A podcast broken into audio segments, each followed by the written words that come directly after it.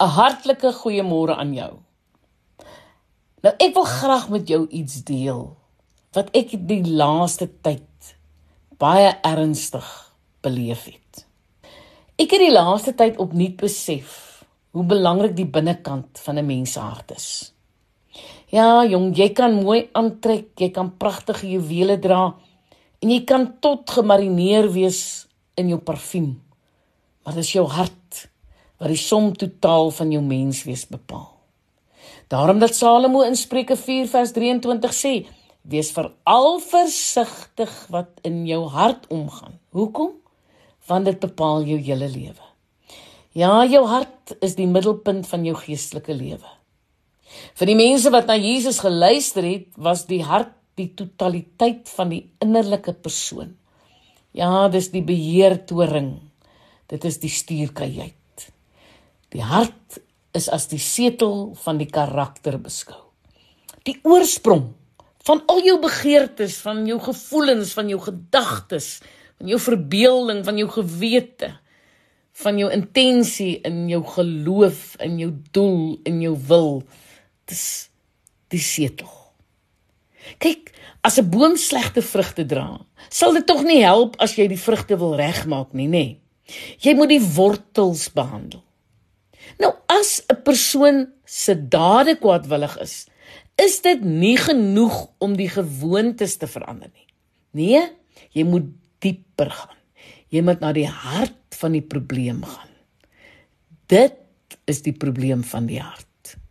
Dit is waarom die toestand van die hart so verskriklik belangrik is.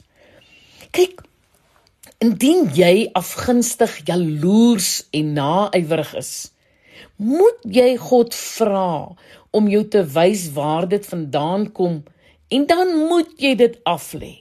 Hoekom? Want dit gaan verseker jou vreugde steel. En jy moet weet dat God gaan met of sonder jou toestemming mense in elk geval seën. So jy kan net sowel jou afguns en jou jaloesie en jou naaiwer laat staan. God gaan in elk geval mense seën. Nou indien jy aan die ander kant nou te nagekom voel deur ander, moet jy dit ook vir die Here gee. Hy is die ewige en die waaragtige regter. Ja, hy sal die tafel vir jou voorberei in die teenwoordigheid van jou teenstanders. Laat dit nie gaan. Moenie wraak neem nie. Hou jou hart rein voor God. Hy sien dit En glo vir my vandag, hy sal jou eer. Toets vandag jou hart aan die hand van Matteus 15 vers 18.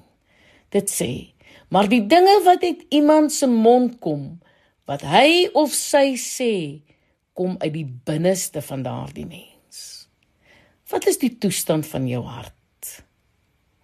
Die stand van jou hart skryf voor of jy in wrok gaan koester of genade gaan wees selfbejammering gaan soek of vir Christus gaan soek. Menslike elende sal drink of God se genade wil proe.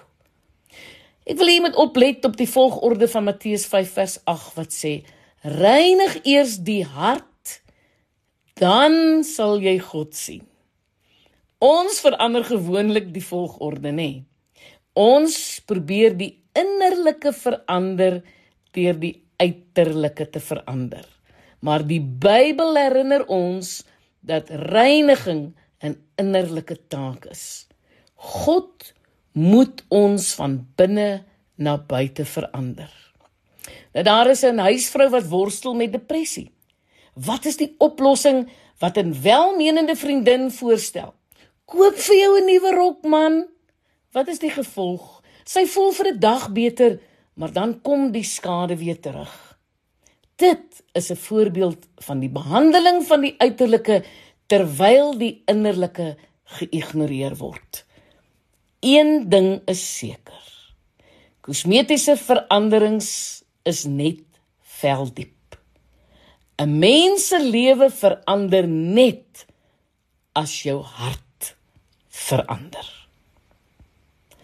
Ek is Lenet Beer vir Radio Kansel.